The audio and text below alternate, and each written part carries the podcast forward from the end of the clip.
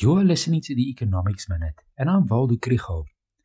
A few episodes ago, I explained that economists see pent up demand as one of the major drivers of economic growth in 2021. New household data on savings show how large that demand may be. Households appear to have accumulated 130 billion rands in savings over the second and third quarters of 2020.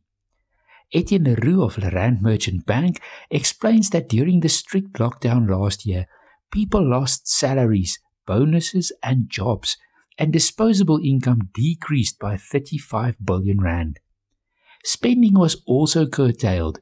Only essential items were for sale, and if you worked, you worked from home. And thus, spending decreased by almost four times more than income. In this way, households saved 50 billion rand. In the third quarter, about 600,000 people returned to the labor market and earned income again. But spending did not increase by as much as income did, and again, households saved about 80 billion rand. Of course, these figures do not yet include the fourth quarter, but they do confirm other signs of pent up demand.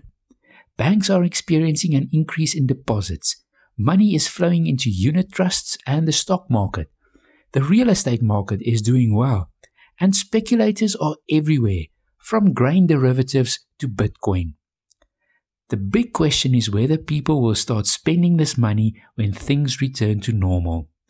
If you're in my macroeconomics class, we'll soon be talking about the dangers of a liquidity trap.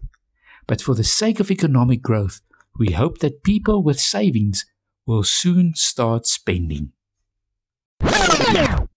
If you want to learn more about the economy, follow the Econ 101 page on Facebook.